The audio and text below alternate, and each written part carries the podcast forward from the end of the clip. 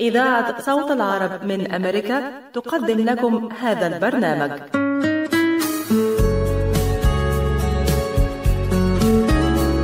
القهوة عالم يجمعنا بناس نشوفها نحبها ومن جوه قلوبنا تفوت.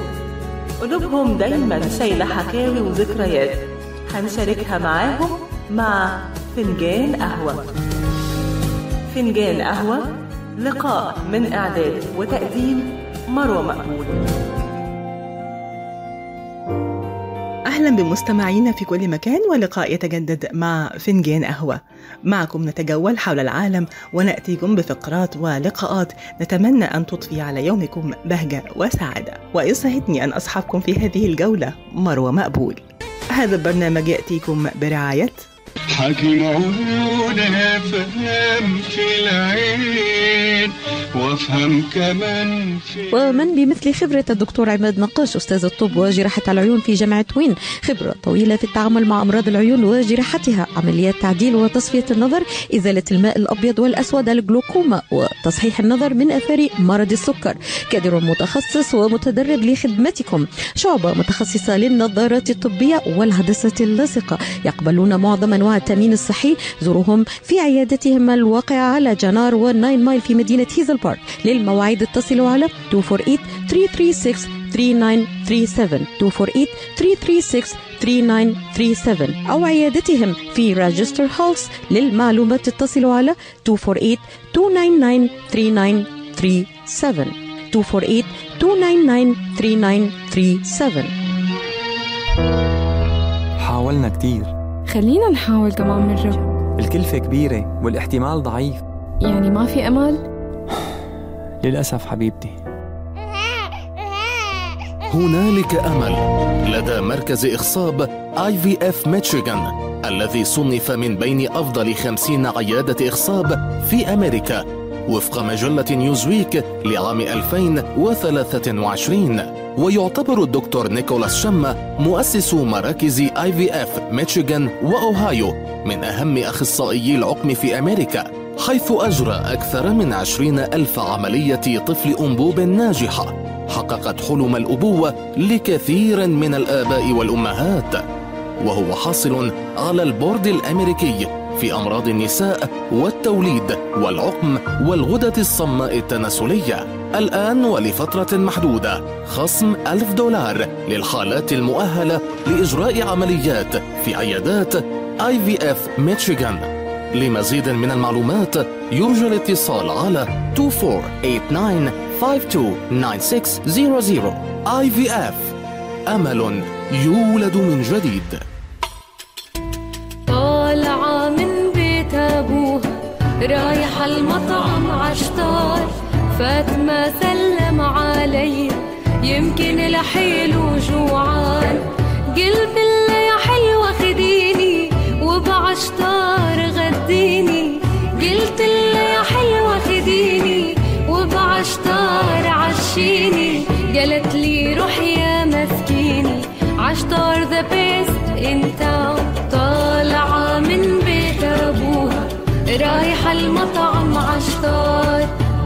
عشتار مطعم أهل البيت والخطار.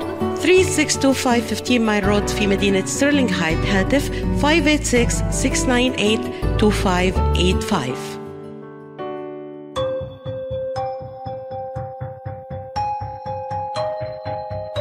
على مدار السنوات الماضية شهد العالم الكثير من الحوادث والظواهر الغريبة التي عجز العلماء عن تفسيرها. بل هناك الكثير من القضايا التي لم يستطع البعض حلها نظرا لغرابتها أو لأسباب أخرى. سنكشف لكم اليوم مستمعينا بعض هذه الغاز والقصص التي لم يستطع الكثير من العلماء إيجاد تفسير لها.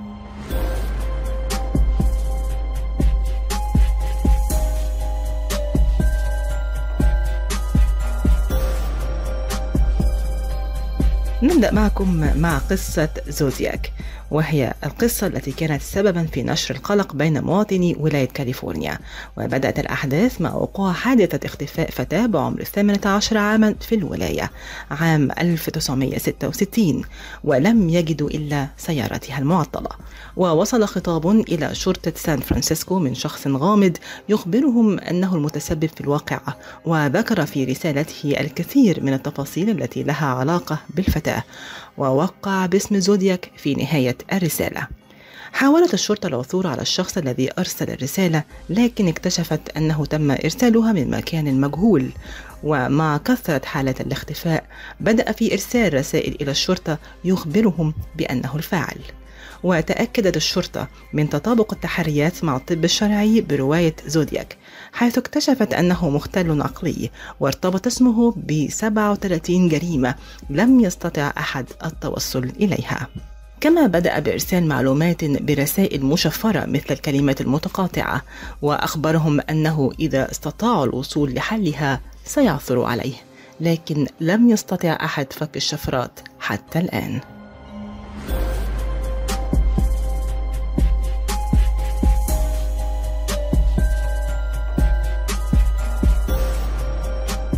واللغز الأكبر كان من نصيب فاسلي جارجز الذي اختفى لمدة 30 عاما وعاد بملابسه الكاملة حيث كان يعمل وقتها بمهنة الزراعة ويبلغ عمره 63 عاما.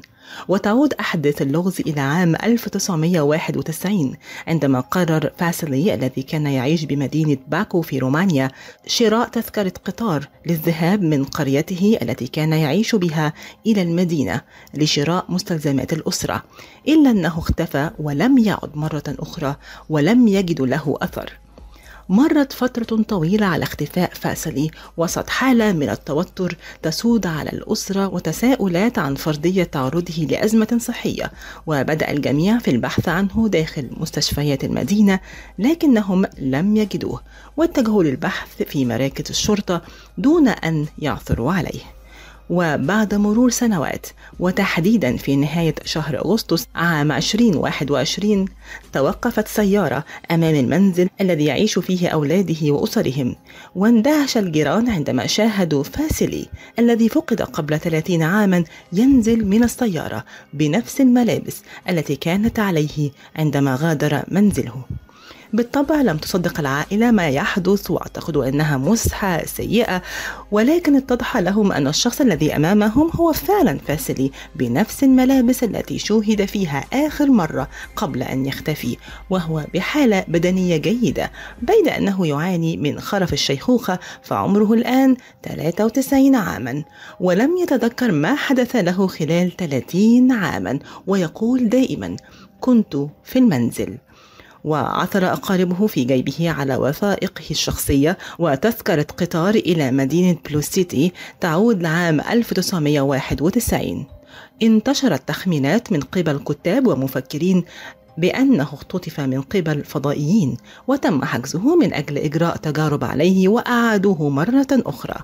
كما رجح العلماء والمحللين هذه الفرضية بسبب ملابسه التي لم تتغير وقالوا عنه إنه أجري له غسيل للذاكرة وأعادوه مرة أخرى وسط اقتناع من الأهالي لتلك الرواية وأطلقوا عليه الرجل الذي خطفه الفضائيين.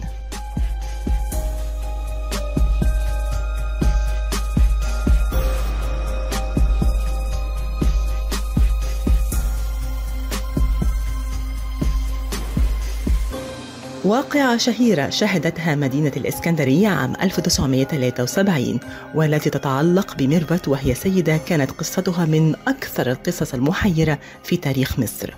القصة سردتها الكاتبة إيناس حليم في روايتها السيدة التي سقطت في الحفرة وحاولت التوصل لحقيقة أشهر حكاية حدثت في الإسكندرية خلال تلك الفترة والتي كانت بطلتها ميرفت أحمد شحاتة. ميرفت أحمد كانت تسير مع زوجها الصحفي أنور سعيد حيث كان يسيران في شارع النبي دانيال بمحطة الرمل بالإسكندرية الساعة الحادية عشر مساء. وفجأة دون مقدمات أنور لم يجد ميرفت بجانبه واكتشف أنها سقطت داخل حفرة خفية بالشارع وسط الطريق. وحاول زوجها الدخول إلى الحفرة وجذب زوجته لكن الحفرة زاد اتساعها قبل أن يحاط بعدد كبير من الأشخاص الذين حاولوا منعه من نزول الحفرة لجذب زوجته إلا أن تلك الحفرة اختفت. لم يكن هناك مفر سوى اللجوء إلى الشرطة أو الحماية المدنية بهدف محاولة إخراج ميرفت لكن المفاجأة أنهم لم يجدوا ميرفت وسط محاولة البحث.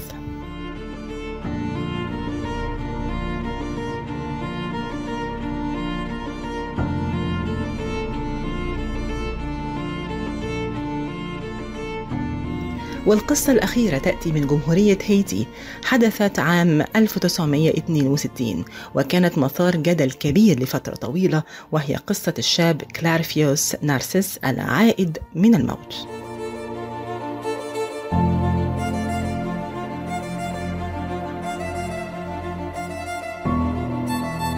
في عام 1962 عاد كلارفيوس نارسيس من عمله وتناول الطعام مع العائلة كالمعتاد ثم ذهب للحصول على قسط من الراحة إلا أنه أصيب بحمى نقل على أثرها لإحدى المستشفيات حيث واجه الأطباء صعوبة في تشخيص حالته.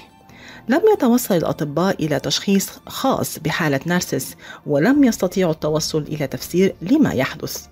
وكان نارسس لا يعاني من أي مشاكل طبية لذا كان هناك حيرة مما يحدث.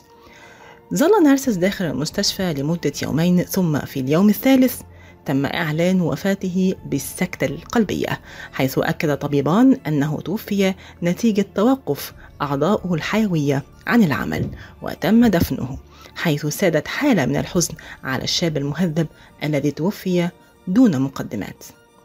وبحلول عام 1980 وعقب مرور 18 عاما على وفاته.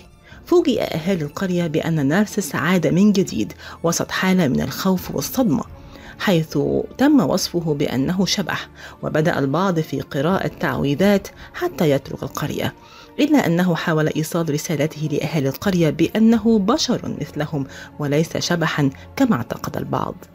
نارسيس بدأ في سرد قصة دفنه مشددا على أنه لا يتذكر أي شيء عن هذا الأمر وأخبرهم أنه استيقظ من النوم داخل إحدى المزارع التي لا يعرف مكانها وكان مرهقا بشكل كبير وكان صاحب هذه المزرعة هو من يراعيه وكان يعطيه دواء يؤثر على الذاكرة بشكل كبير وظل محبوسا بداخلها برفقة عدد كبير من الأشخاص لم يستطيعوا الهرب حتى توفي صاحب المزرعة وهنا توقف الدواء الذي كانوا يحصلون عليه وبدأت تعود الذاكرة قليلا ثم قرر حينها العودة لبلدته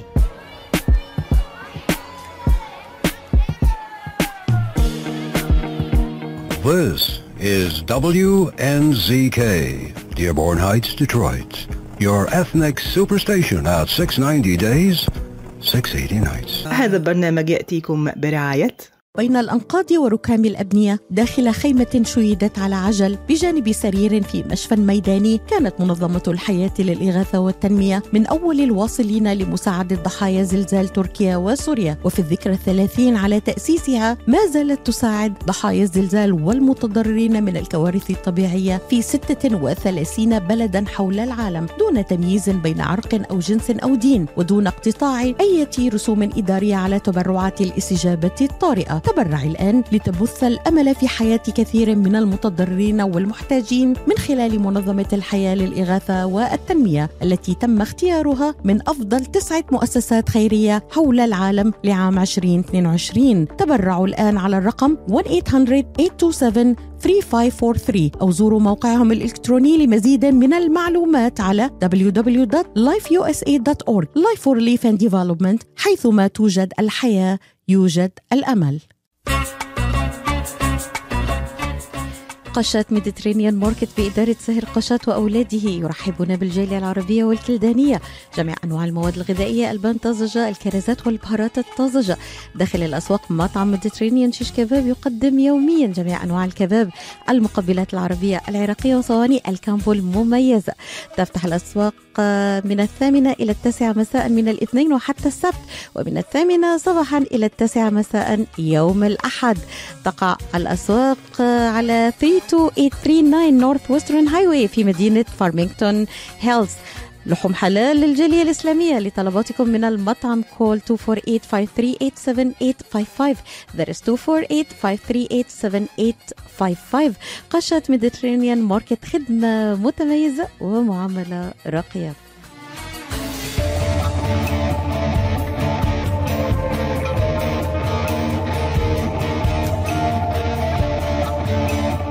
استضافت مكتبة الإسكندرية أمسية أدبية لبرنامج الأدب عبر الحدود أو Literature Across Frontiers وهو المنبر الأوروبي للتبادل الأدبي والترجمة ومناقشة السياسات بمشاركة العديد من الدول الأوروبية مثل أسبانيا وفرنسا إلى جانب إنجلترا ومقاطعة ويلز واسكتلندا وأيضا بعض دول الاتحاد السوفيتي السابق مثل لاتفيا. تأسس البرنامج عام 2001 بدعم من الاتحاد الأوروبي ويقع مقرها في مقاطعة ويلز بالمملكة المتحدة. وتعمل في شراكة مع مجموعة من المنظمات والأفراد في جميع أنحاء أوروبا لتعزيز التنوع الأدبي وتطوير الحوار بين الثقافات من خلال الأدب والترجمة وخلق فرص للتبادل والتعاون الثقافي. ومن الحضور كان الكاتب الإسكتلندي جيمس روبنسون الذي وجد أن مثل هذه الندوات تعمل بمثابة منبرا للكتاب والروائيين غير المعروفين في مختلف البلدان وأيضا في أوروبا Well, this uh, this event this evening was organised um, by uh, a, an organisation called Literature Across Frontiers and the library here in Alexandria to um, give people the opportunity to hear the literature of several small European countries that maybe they don't often get the chance to hear their, their writers. So I was here from Scotland, and there was a writer from Wales, and also writers from Slovenia and Slovakia and Latvia. And we all write about different things, but we are all from small European countries that have been making efforts to um, to uh, increase our identity, make our identity clearer.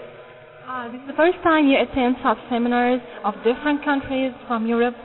It's, it's the first time I've ever been in in Egypt. Uh, I have been to one or two of these things before in other countries, mostly mostly in Scotland and maybe and maybe once in um, in Germany.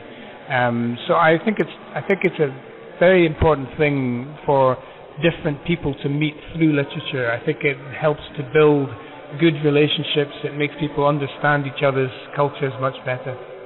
So do you think it really make a bridge for different people from Roland from all around the world to well connect together? I think it's very important now for people to make those connections because if we, especially through literature, um, because if you read the fiction or the poetry of a writer from another country, you get uh, under the skin of that country. You understand that country maybe in a way that you don't if you go to visit as a tourist for a week, you know, where you don't maybe you don't really get to know the country. But if you read poetry or fiction which is telling the stories of the people of that country, then you get to know them much better. And this is in this world we live in, which is full of trouble and strife, it's so important for people to understand each other's countries. I'm very interested to learn about your novel that you read part of it in the seminar. Would you tell me about it? My novel is called The Testament of Gideon Mack, and it's uh, really about uh, a man who becomes a minister of religion in Scotland in the 1970s. Uh, he, he lives from the 1950s to the to 2000 or thereabouts, and he becomes a minister um, because his father was a minister, and so he follows in his footsteps. But he doesn't really believe in God anymore, so he is a, a hypocrite in the way that he preaches to people. And then one day things begin to go wrong for him, and all his life begins to collapse because he's been living a lie, if you like. So the book is questioning quest- ideas about faith and belief. What is what is faith? What is belief? And what happens if you lose it, and then you find it again, but it it is not it's not what you thought it was. So it's a I'm looking at at what what how faith can religious faith can survive in a country like Scotland in the 20th and 21st century? It's it's a philosophical book, but hopefully it's also I hope it's a funny book. You know, there are, it's humorous, but it has a serious message.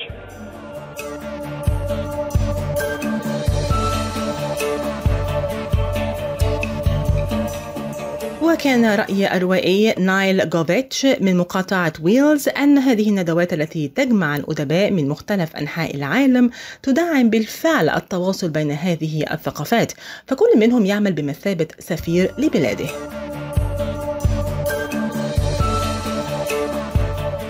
Well, it's great to have so many different people from so so many different parts of of Europe, of course. Um, you know, normally the big the big countries represented, France and Spain and England and, and that kind of thing. But to have people from Scotland and, and myself from Wales and Slovakia and, and, and, and Latvia and all the different histories, it's, it's great to introduce those th- those countries to a totally different culture and see what they know about them and see what they don't know about them and talk about them and and hopefully you know um, be a be a kind of cultural ambassador for for, for my country and um, can communicate its, its its its its culture elsewhere. It's it's it's very exciting and also of course experience Egyptian culture for myself. How far do you think su- such seminars, having people from different countries, um, can promote the civilization or the civilization, the civilization the dialogue between each other? Um, I don't know how to answer in the sense that I, uh, you know, I can't put any kind of value or any limit on on on what these things can achieve. But communication, of course, is always a good thing, and communication on equal level and a, and a sharing and a, a partnership kind, of thing. You know, here's here's my culture. Now tell me yours. Now show me yours, and uh, you know, mutual appreciation, all that kind of thing. I don't know. I don't know how much it achieves, but I think it's better than not sharing. You know. Uh, so it's the first time you attend such seminars, having people from different countries uh, in the world. Um, no, no, no. I've, I've done, I've done many um, all over, all over Europe and Australia and America, um, lots of places like that. I always find it more interesting when people from smaller nations come now, because you know you learn, you learn so much about these smaller nations. You know, history is written by the, is, is written by, by the victors, of course. You know. Um, you know, it's only now that we're getting a sense of what of what modern history has meant for Latvian people. You know, um, and having Sandra here today was, you know, was an eye opener and an education and and all, all that kind of thing. So I've done lots of these all, all over the world, and they're they're always um, thrill, thrilling to do, and I I I learn a great deal from from doing them, and I hope the audience does too, and I and I just find them very very pleasurable. So do you think it is best way to connect through literature? Yes, I think so. I mean, you can do so much in in literature, of course, and literature. Um, you know, I think uh, for every culture, the the the artistic endeavour, the, the the need to create comes from comes from the same area. Um, same area in, inside. It might have a different aim or and, and and a different objective and even a different goal. But I think everybody can everybody can understand that part of the soul that that, that needs to create. You know, so immediately you're sharing some some, some kind of co- co- common ground, and then you can do so much in literature. You you can talk about so so many things, um, uh, covertly and, and and hidden and in a roundabout way, and then of course you you know you use language to communicate. You literature of necessity uses language in new ways. You know. Um, so and so hopefully that will spark people into into who haven't some knowledge of the language into some sense of what the language can actually do, how it can portray your own sense of identity and, and, and culture. I'm actually very interested about your, your novel that you read on the stage today. So I'd like you to me about it. Um, it's, it's the last novel. It, it came out last year, um, last March, so it's about a year old now. It's coming out in paperback soon. Um, just about a 15-year-old boy who leaves school in Wales and goes to live with his uncle on a on a on a remote farm in in Wales. Wales is a very agricultural, r- r- rural country. Um, his auntie has committed suicide because there was the foot and mouth crisis, and they shot all of her, all, all- of her sheep. So she had nothing to live for anymore. So she goes. So, so the young boy has gone to live with him, live with his uncle. The young boy is very much a visionary shaman, seer kind of kind of character. Although although he d- doesn't know this, it's just some- that's in him. So I wanted to. Um, I, I have a very strong sense that um, um, in in the West we're losing our, our connection with the world, with, with the earth rather, and nature and, and, and this this kind of thing. It's becoming heavily industrialised, and also there is this um, notion in England that the Celtic countries, which Wales is a Celtic country, of course, was that you know they lived in harmony with nature. Um, you know they all they all kind of whistled on the way home from the mines and all this kind of thing. They're all happy. Of course, there was an awful lot of problems there. You know, there, there, was, there, was poverty and drug abuse and alcohol abuse and all this kind of thing. And I think um, the the Enlightenment enterprise of kind of uh, reducing Celtic countries to, to this simple thing um, was com- was completely wrong. You know. So I want to show that you know what goes on in rural areas is just as important as what goes on in, in, in urban areas. They're human lives, you know, and they're as rich and complex as human lives anywhere. This Is the first time that you visit Egypt? Yes, it is. Yeah, yeah. It's not my first time in Africa, um, but, but it's my first time in, in, in this part of Africa, um, and I like it very much. Um, we're going back to Cairo tomorrow. We've been in Cairo a couple of days, and we came here. I'm back to Cairo tomorrow. But although I think I'd like to spend a couple couple of days more in Alexandria, to be honest. Um, it seems a really interesting place, and we we won't really have enough time to see it. But um, I'll I'll I'll come back. I hope.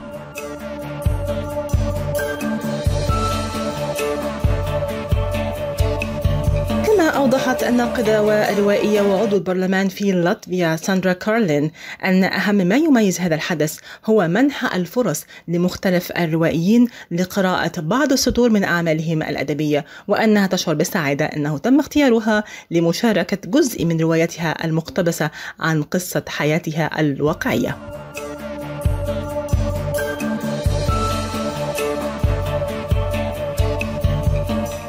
Today we had these literature, uh, literary readings in the Library of Alexandria to introduce the uh, literature and writers of um, less known part of Europe, Eastern Europe. Uh, there is an organization called Literature Across Frontiers and together with the Library of Alexandria and um, uh, National Centers of Literature, they organized uh, this uh, evening. Besides that, Literature Across Frontiers, they made a collection of um, European literature and donated the books to the um, Alexandria Library. Do you think uh, literature can be a bridge that connects people of different countries together? How far do you believe it can do so? Very far. Literature, also art, uh, music, uh, this belongs to humanity and it can build very strong links. Yesterday, then I was reading uh, pieces from uh, from my book, which is a very sad story of my family about starvation and suffering because of of um, uh, deportation to Siberia. what is sad that it's uh, not an exceptional story. It's rather typical for Latvia. Uh, there was a woman um, mm, listening, and after I finished, she uh, came to me and handed me a letter. No, a letter, where she said how sorry she feels that there is such a misery in the world and I was deeply, deeply touched because we both belong to different civilizations. She was covered from only her eyes were open. Um, she was not from Egypt because I have seen her in in the stand. Um, that was in book fair, um, Cairo book fair, uh, stand of one of um, Arabic countries. Uh, the fact that my book was able to arise such a compassion in her, that is the best evidence that he, human feelings, they are truthful, and that is the best uh, um, the best instrument uh, to approach uh, us. Is it the first time that you visit Egypt? Actually, this is the second time, but my first time in Alexandria. In uh, 94, I was uh, to UN conference on human development, which took place in Cairo. That was my first visit. Is it the first time that you um, attend a conference that gathers people from different worlds talking about literature? No, it is not uh, uh, first time because my book has been translated and published already in nine languages, and of course I traveled a lot. Uh, doing conferences uh, in book fairs and also meeting my readers. Uh, I'm very much interested about your book that you had uh, quotations from it. Would you tell me about it in detail? Mm, yeah. First of all, I would like to tell that probably in rather short time, the book will be the translation of book in Arabic could be available for Arab readers because um, Sphinx Agency, in, uh, which is situated in Cairo, Mr. Khaled Abbas, uh, he is uh, interested to publish it. And uh, my book uh, tells a sad story of, of a Latvian family, my family, uh, which after occupation of Latvia by Soviet Union is deported to Siberia just because they are considered the class enemies. What does it mean? It means that you have not committed any crime. You just it happened to to be born in middle class family. As uh, my mother, uh, she was 14 years old when she was deported, and then she returned back after incredible suffering. She was a, a woman of 30 years. She spent in Siberia 16 years. Two of my grandfathers and one my grandmother, they perished. Many perished because of starvation. Uh, my uh, parents met in Siberia. They mar- fell in love, they married, and I was born. From the moment that I was born, I already was doomed to be to to be not not to be free. Uh, twice a month, my father had to register me with KGB uh, just to assure that I have not fled. Uh, baby, can you imagine? From the first month of my life. Uh, what is the most striking in, in my uh, story that um, being born in captive world 60 years later I was minister for foreign affairs of my country signing the accession treaty of Latvia to the European Union. My signature is on that treaty. And later on, I became the first European Commissioner of my country. And I sometimes I'm trying to imagine the face of that KGB officer registering that baby girl. If he would be able to guess at that time what destiny he is signing. Sure. So we can say that your suffering affected so much your destiny.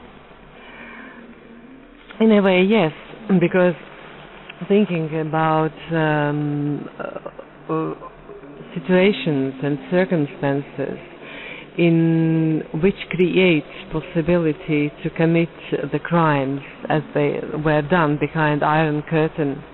In Eastern Europe, in Soviet Union, in Baltic states, uh, I I'm deeply uh,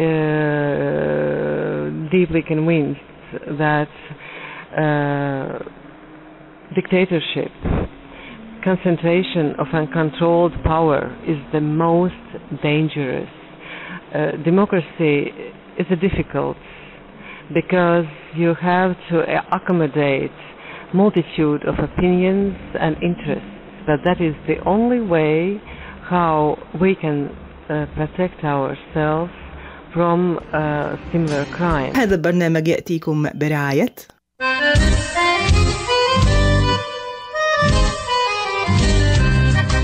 New Concept Products and Design بإدارة ناجي عبود هل تحتاج فتح مطعم؟ هل تحتاج فتح محل المواد الغذائية؟ هل تحتاج تصاميم وخرائط؟ اتصل بناجي عبود على الرقم 734-744-9796 هل تريد شراء معدات المطابخ والمطاعم وبأسعار مخفضة وتسهيلات بالدافع؟ اتصل بناجي عبود الآن على الرقم 734-744-9796 خصم 5% عند الشراء ب 75 ألف أو أكثر على كافة المواد. لمزيد من المعلومات زوروا موقعهم الإلكتروني على www.newconceptproducts.com أو زوروهم في موقعهم الجديد. 31185 Schoolcraft in Livonia. ناجي عبود العلامة المميزة في عالم المطابخ. هل تعاني من ألام في المفاصل أو العظام؟ هل جربت الأدوية دون فائدة؟ هل تفكر في إجراء عملية؟ انتظر الحل لدى مركز Top Rehab للعلاج الطبيعي جهاز SoftWave علاج جديد غير جراحي يستخدم الموجات فوق صوتية لتحفيز الجسم على بدء عملية الشفاء وتوليد أنسجة جديدة في مجالات جراحة العظام الكسور العناية بالجروح وعلم الجمال دون جراحة أو تخدير وقت علاج قصير نتائج سريعة طويلة الأمد تستخدمه العديد من المراكز البحثية الطبية والرياضية الرائدة في أمريكا. الآن حصريا في ميشيغان لدى مركز Top Rehab للعلاج الطبيعي. احجز جلسة تقييم شامل لحالتك بواسطة جهاز SoftWave وبرسوم رمزية. اتصلوا الآن على 313-846-0555 Top Rehab Physical Therapy بإدارة أخصائي العلاج الطبيعي الدكتور محمد فرح حسين بخبرة أكثر من 20 عاما. اتصلوا الآن واحجزوا 313-846-0555 لازلنا معكم مستمعينا في فنجان قهوة والفقرة التالية هي حكاية جديدة نسمعها معكم في حكايات منسية. ما بين صفحات التاريخ وسطور المؤرخين غابت حقائق وطمست روايات وهناك حواديت للفرح وأخرى للأحزان. مرت عليها العصور والأزمان فأصبحت اليوم في طي النسيان. فجئنا نتذكرها معا ونحكيها في حلقة جديدة من حواديت منسية.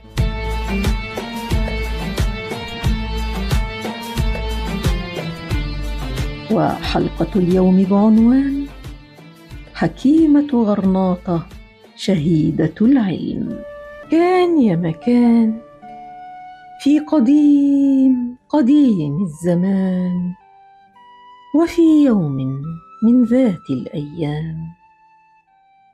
عندما كانت الأندلس هي أزهى وأكبر مملكة من ممالك العرب والمسلمين على وجه الأرض. هناك في جنوب الأندلس كانت إمارة كبيرة وجميلة اسمها إمارة غرناطة. وغرناطة كانت جنة من جنات الله في الأرض ووصفوها بأنها قطعة من الفردوس حيث انتشرت بها الحدائق والبساتين وأشجار الفاكهة وأشجار الزينة كما انتشرت بها الجوامع والمدارس والمكتبات وكثر بها العلماء والأدباء والفنانون. فعرفت بأنها أرض الجمال والعلم والثقافة والتحضر والفنون.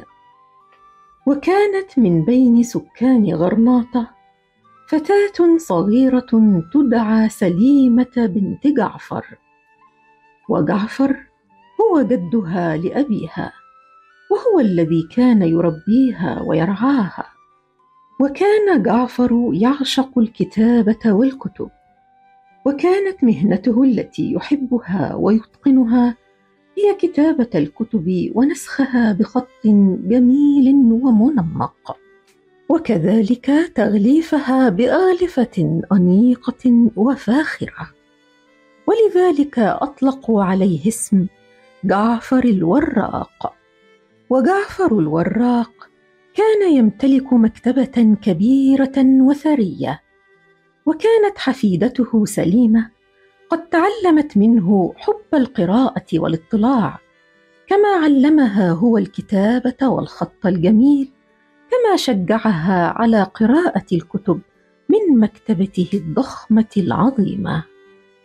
ولما دارت دائرة الأيام وسقطت الأندلس على يد الغزاة القشتاليين كانت غرناطة في خطر كبير. ذلك لأن الغزاة القشتاليين كانوا حريصين على مصادرة الكتب والوثائق والمخطوطات كما أنهم هدموا المدارس وحرقوا المكتبات وعمدوا إلى تفتيش البيوت لمصادرة كل كتاب وكل ورقة يجدونها. وعندما وجد جعفر الوراق الوضع كذلك شعر بالخطر على مكتبته الكبيرة. فقرر أن ينقل سرا كل ما لديه من كتب إلى سرداب خفي داخل أحد البيوت القديمة المهجورة. ولم يكن أحد ابدا يعلم بهذا المخبأ السري سوى حفيدته سليمة فهي الوحيدة التي ائتمنها جدها على مكان الكتب في البيت المهجور وأعطاها مفتاح البيت وكذلك مفتاح السرداب. وفي يوم من الأيام قرر القشتاليون أن يحرقوا كل الكتب التي صادروها من بيوت العرب المسلمين. يحرقونها في محرقة كبيرة في أحد الميادين المشهورة في غرناطة وهو ميدان باب الرملة. وفي ذاك اليوم الحزين وقفت سليمة مع جدها جعفر يتابعان حرق الكتب في حسرة وألم. وكان مشهدا صعبا على نفس سليمة لدرجة أنها لم تستطع نسيانه ابدا. وكان مشهدا صعبا أيضا على جدها جعفر الوراق لدرجة أنه مات كمدا وقهرا بعد محرقة الكتب بيومين اثنين. وبعدها كبرت سليمة يوما بعد يوم وقد اعتادت أن تتسلل سرا وهي متنكرة.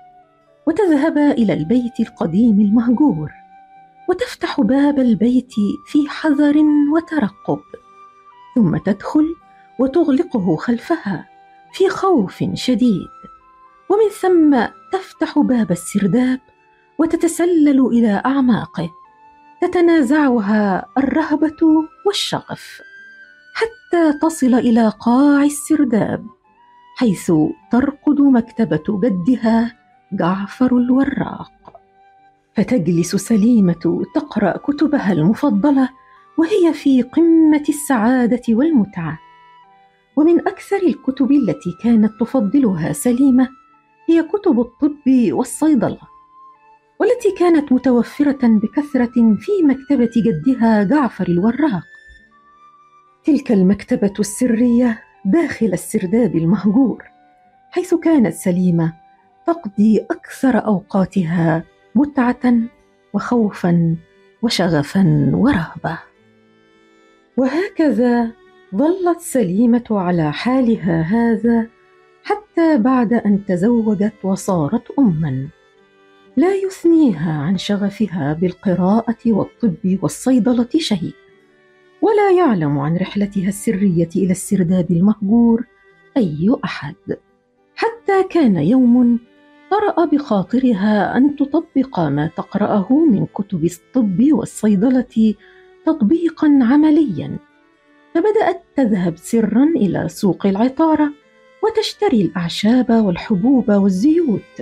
ثم ترجع سرا فتضع كل مشترياتها داخل حجرة نومها التي تحولت إلى ما يشبه المعمل الكيميائي حيث اعتادت سليمة تجربة تركيبات الأعشاب التي تقرأها في كتب جدها حتى استطاعت بعد العديد من التجارب والمحاولات أن تحول الأعشاب والزيوت إلى تراكيب كيميائية تعالج بها فقراء المرضى من أصحابها وجيرانها وسكان حيها.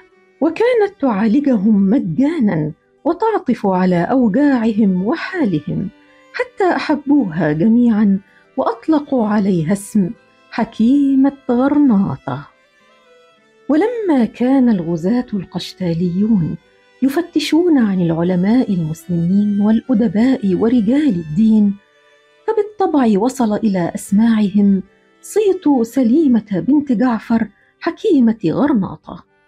وذات يوم مشؤوم تفاجأت سليمة بالجنود القشتاليين يقتحمون عليها بيتها ويفتشونه.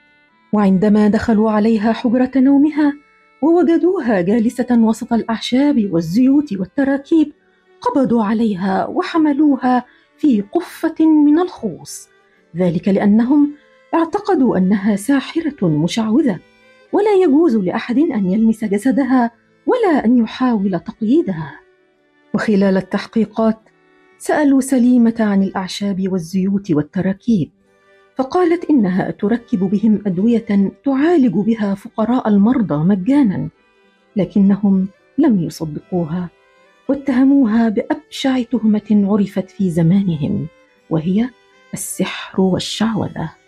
بل أنهم بالغوا في ظلمها فاتهموها بأنها على صلة بالشيطان نفسه وأن الجنين الذي في أحشائها هو ابن للشيطان. ورغم كل محاولاتها لتبرئة نفسها فقد حاوطها المحققون بعدد من الاتهامات الباطلة واستطاعوا أن يثبتوها عليها زورا وبهتانا. وحكمت عليها محكمة الأعداء بالتعذيب البشع بحجة تطهير روحها من الشرور والآثام ثم ساقوها بعد ذلك إلى المحرقة.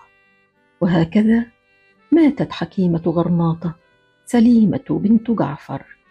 ماتت شهيدة للعلم وللحق.